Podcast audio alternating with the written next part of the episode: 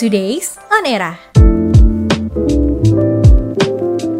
Halo Era Mania, gimana kabarnya hari ini 23 Februari 2022? Semoga sehat-sehat aja ya. Today on Era kali ini kembali sama Bani dan seperti biasa gue punya tiga berita buat Era Mania pastinya. Berita pertama datang dari film Satria Dewa Gatot Kaca. Ada apa nih? Jadi di media sosial nih lagi rame nih soal teasernya tadi Satria Dewa Gatot Kaca itu. Nah, Satria Dewa ini baru aja memperlihatkan tampilan dari Gatot Kaca di film ini.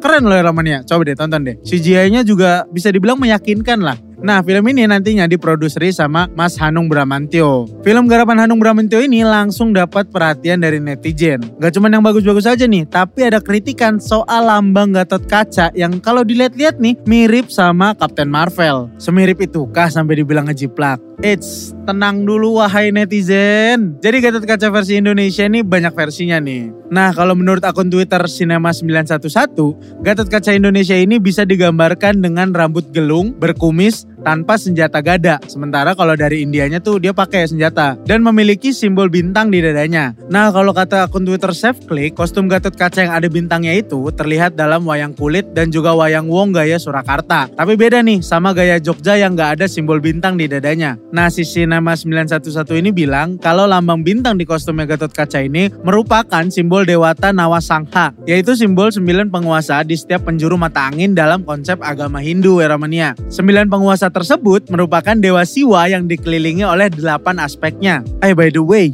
ini lambang Gatot Kaca disamain sama Captain Marvel. Tapi pada ingat nggak kalau Captain Marvel besutan Marvel ini pernah rame gara-gara Captain Marvelnya ini dianggap nyomot dari komik DC. Apakah ini beneran jiplak dan nantinya kalau sama-sama ngejiplak jadi jiplakception gitu? Tapi jadi penasaran nih bakalan kayak apa sih film si Satria Dewa Gatot Kaca ini? Nah Eramania, penasaran nggak sama calon kepala otorita IKN Nusantara nantinya? Kabarnya nih ada calon kuat nih namanya Bambang Susantono. Pada kenal belum? Dilansir dari Voi.id, dia ini bukan orang baru di pemerintahan. Bambang ini merupakan pelaksana tugas Menteri Perhubungan hingga akhirnya diangkat sebagai Wakil Menteri Perhubungan definitif di Kabinet Pemerintahan SBY. Dia juga dikenal sebagai pakar perencanaan infrastruktur dan transportasi. Pria kelahiran 4 November 1963 ini merupakan lulusan Fakultas Teknik Sipil ITB pada 1987 dan meraih gelar master tata kota di Universitas California Berkeley dan gelar dokter di bidang perencanaan infrastruktur dari universitas yang sama pada tahun 2000. Ada catatan menarik nih, mantan Ketua Umum Masyarakat Transportasi Indonesia periode 2004 sampai 2010 itu juga memiliki peran penting di Bank Pembangunan Asia. Ada catatan menarik nih, mantan Ketua Umum Masyarakat Transportasi Indonesia periode 2004 sampai 2010 itu memiliki peran penting di Bank Pembangunan Asia atau Asian Development Bank. Bisa juga disingkat ADB. Hmm, menarik sih profilnya. By the way, Presiden Jokowi kabarnya juga akan segera melantik Kepala Otorita IKN Nusantara pada pekan depan. Bocorannya sih, calon Kepala Otorita IKN di Kalimantan Timur ini bakal diisi sosok yang bukan berasal dari partai politik. Wah, kira-kira siapa ya? Nah, kita tunggu aja keputusan Presiden nantinya. Ngomongin calon-calonan nih. Kabarnya Prabowo bakal akan segera mendeklarasikan Capres 2024 loh. Wah Bapak Satu ini pantang menyerah ya buat jadi presiden. Salut deh buat Pak Prabowo. Dilansir dari CNN, meski tak merinci kapan deklarasinya, Sekjen Gerindra Ahmad Muzani bilang kalau Prabowo bakalan melakukan deklarasi Capres 2024 dalam beberapa bulan lagi. Atau seenggaknya di tahun 2022 ini era mania. Hal ini diungkap Ahmad Muzani di Surabaya pada 23 Februari. Sebenarnya omongan Ahmad Muzani ini bukan hal yang baru. Seperti yang pernah ditulis di website Era pada 10 Februari lalu, dia juga pernah bilang kalau Prabowo bakal mendeklarasikan sebagai capres di Pilpres 2024 tahun ini.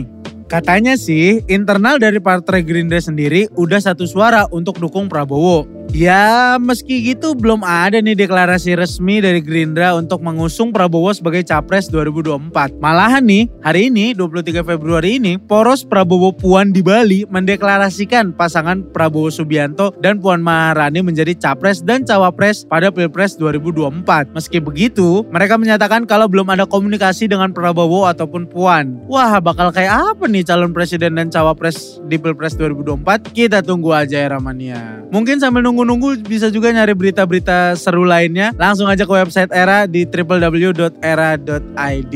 Atau mungkin bisa juga main-main ke Instagram, Twitter, dan semua sosial medianya Era. Namanya sama era.id.